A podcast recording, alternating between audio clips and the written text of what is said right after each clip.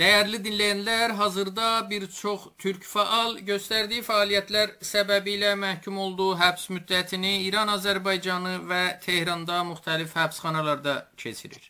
O məhbuslardan Abbas Lisani və Ali Rza Fərşi həbsdəykən yenidən yeni ittihamlarla mühakimə edildilər. Sağlamlıq baxımından problem yaşadılar. Hüquq müdafiəçisi Şahin Xiyavlı ilə daha ətraflı danışacaq. Şahin bəy, xüsusilə Abbas Lisani və Ali Rza Fərşinin vəziyyəti haqqında bu gün danışmaq istəyirik, amma hazırda biraz elə ümumi durumu, yəni İran Azərbaycanında, Tehranda həbsdə olan bir çox türk faal var. Vəziyyətləri nədir bunların? Əlirza bəy, son özəlliklə bu 2022 yeni ildən son bu 2 ayın içində Türk aktivistlərinə çeşidli ə, e, ittihamlardan dolayı, özəlliklə rejimə propaganda, sanal dünyada fəaliyyət, təşkilata ə, e, fəaliyyət ya da təşkilatlara mənsub kimi ittihamlarla ə, e, türk aktivistlərini fərqli şəhərlərdə hökm verilir. Özəlliklə 2021-ci ildən etirazlara qatılan türk aktivistlərin dosyası baxdığımızda hələ də davam edir. Onlara yeni hökmlər verilir. E, sanal dünyada fəaliyyət edən insanlar özəlliklə Məhəmməd Muxtarzadə və Abbas Niçravan e, kimi türk aktivistləri sırf sanal məcazi dünyada fəaliyyət etdiklərindən dolayı həbsə məhkum ediliblər. Özəlliklə son zamanlarda İbrahim Rəşidi yazdığı məqalələrdən dolayı dadqaha çağırılıbdır və yaxın zamanda məhkəməsi keçiriləcək. Ümumiyyətlə baxdığımızda həbslər, yeni hökmlər, əskidən qalan məhkəmələrin hökmü və əskidən alan ə, hökmlərinin icra olunması bu son 2 ayda ə, biz ə, şahidik.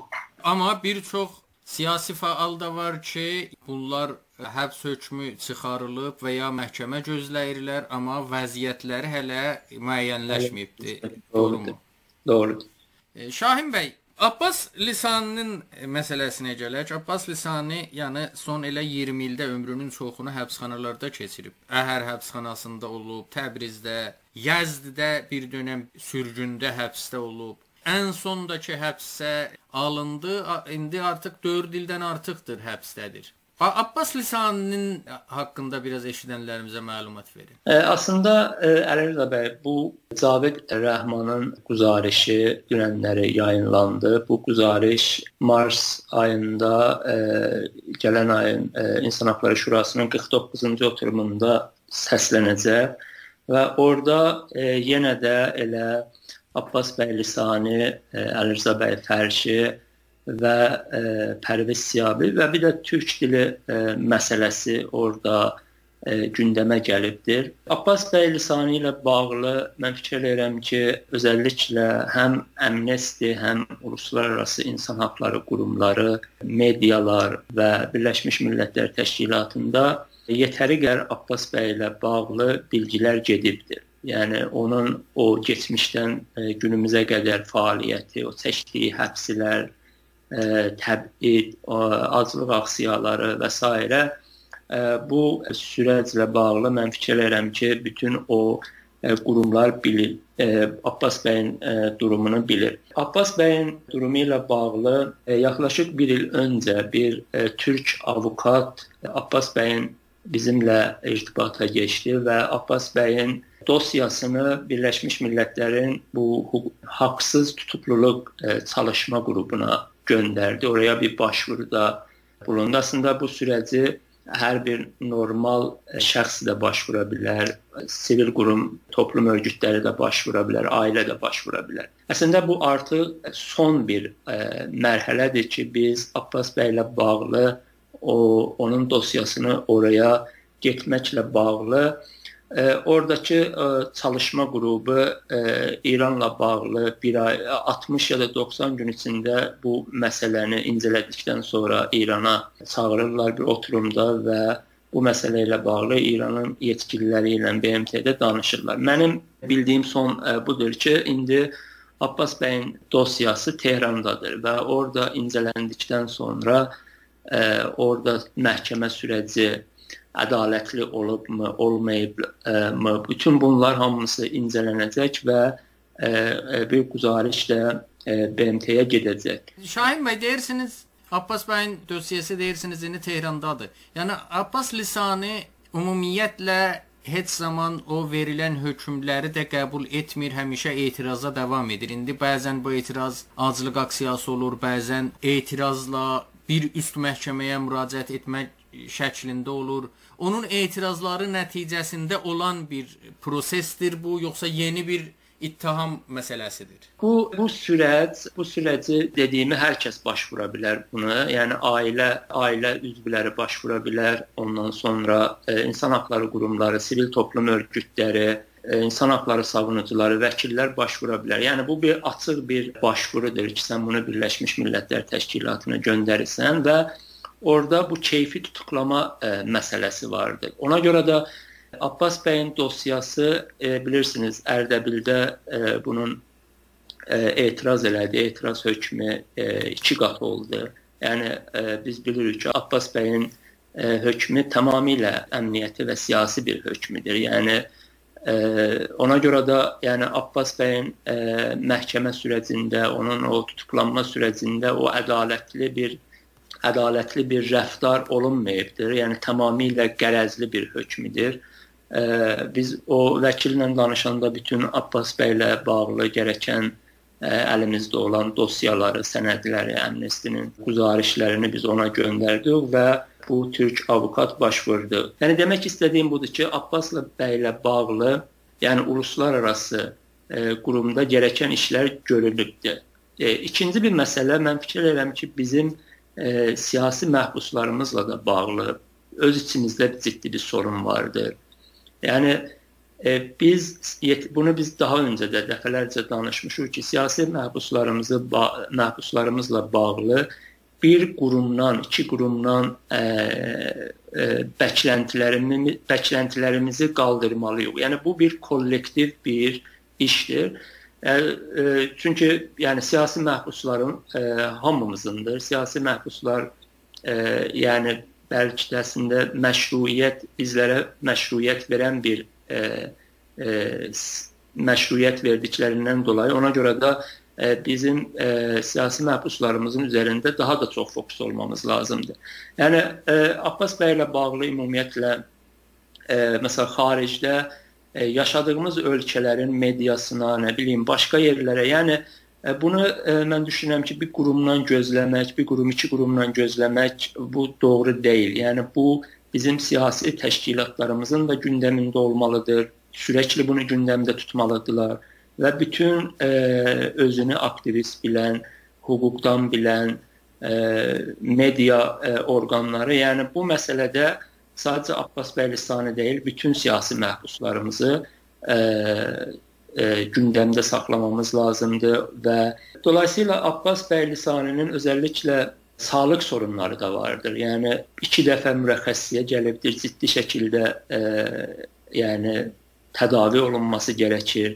Və bunu da e, İranda bilirsiniz Ərdəbildə e, elə bir e, özəlliklə İbrahim rəisi dövründən sonra elə bir sistem qurulubdu ki, artıq e, tamamilə bütün uslanlar, yəni bütün hökumətin bütün hər qolunda baxdığımızda əmniyyəti ya da əski sipahın ə, ə, orqanları, ə, kadrları orada yerləşibdir. Ona görə də yəni bugünkü siyasi ə, ortam çox-çox ağır bir ortamdır və özəlliklə Abbas bəy ki indi Ərdəbildə və ümumiyyətlə milli hərəkətdə təsir buraxan bir şəxsidir.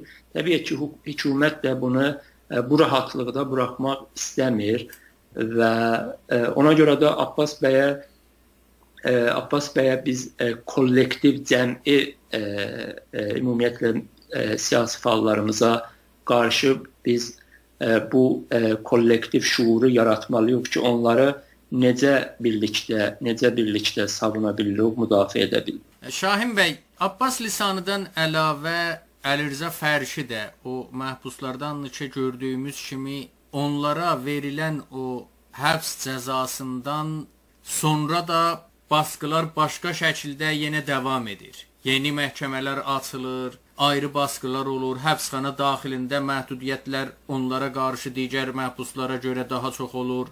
Əlirzə fərşi haqqında da biraz məlumat verin mümkünsə. Son zamanlarda gözlərindən əməliyyat olundu. E, doğrudur. Son zamanlarda Əlirzə bəy e, gözlərindən əməliyyat olunubdur və özünün e, açıqladığına görə İsfəndin 4-ünə qədər də e, mürəxəssisi vardır. Baxın, Əlirzə fərşi bizim e, milli hərəkətdə özəlliklə türk dili savunu, savunmasında bir semboldur. Bu son zamanlarda bilirsiniz bu bir kampanya e, başlandı. Farsça və mən kampaniyası və insanlar orada mənim marağımı çəkən orada çox ciddi bir məsələ var idi. O da insanlar orada o kampaniyanı başladanda xatirələrini yazdığında ciddi şəkildə bu fars dilini çalışa çəkdi və hətta biz baxdıq ki, e, İranın Xarici İşlər Nazirliyinin sözçüsü də gəldi, e, fars dilini savundu.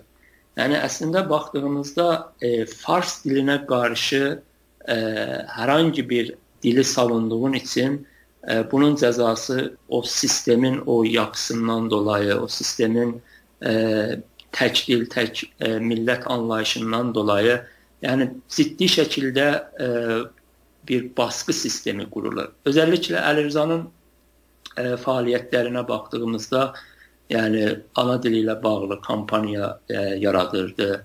E, uşaqlara türkcə e, kitab paylayırdı. Yəni Əli Rızanın hər hansı bir siyasi fəaliyyəti yoxdur. Yəni baxdığımızda Əli Rızanın bu qədər ağır bir hökm e, verilməsi, yəni e, doğru bir hökm deyil. Əli Rıza e, yəni zindanda ikən diğer bir hükm açılır və özəlliklə son zamanlarda yenidən bir e, dosya açılır ki, Əlirzanın öz açıqladığına görə o əslən o məsələyə qarışmayıb. İndi aynı e, qovuşda olduqlarından dolayı, yəni e, hökumət Əlirzəyə yeni bir e, dosyanın dosyaya e, daxil edib ki, bu hökmü e, uzatılsın.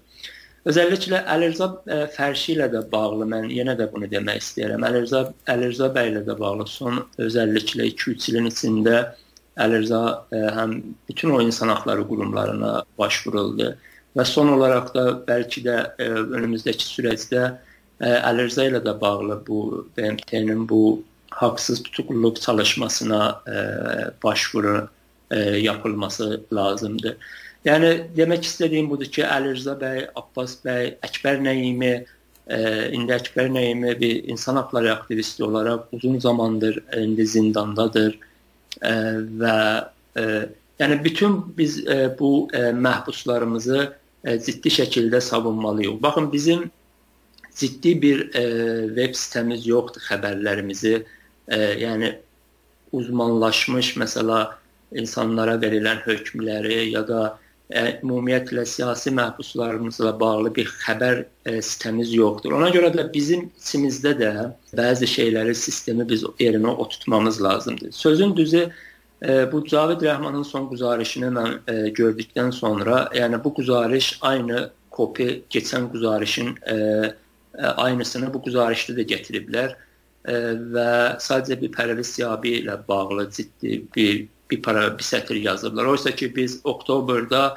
onlara 11 səhifəlik biz e, rapor göndərdik, amma digər etnik qruplara baxdığımızda onlara o quzarışın fərqli e, başlıqlarında, bölümlərində onlardan gedibdi, amma azınlıqlar bölümündə sadəcə e, bizdən bir paraqraf. Yəni biraz bizim də əslində fəaliyyətimiz e, sistemli bir fəaliyyətimiz olursa, Mən fikir edirəm ki, ə, e, bizim ə, e, xaricdə də daha ciddi təsir ə, e, qoyma və ya da ə, ciddi labicilik etmə şansımız doğar və bunun səbəbi və bunun əsas təməli də budur ki, biz öz içimizdəki o çalışmalarımızı sistemləşdirək. Bu sistem olmadığı zaman uluslararası insan hüquqları qurumlarından Amnesty olsun, BMT olsun ya başqa yerlərdən də çox ə, bəkləntimiz ə, olmaması lazımdır.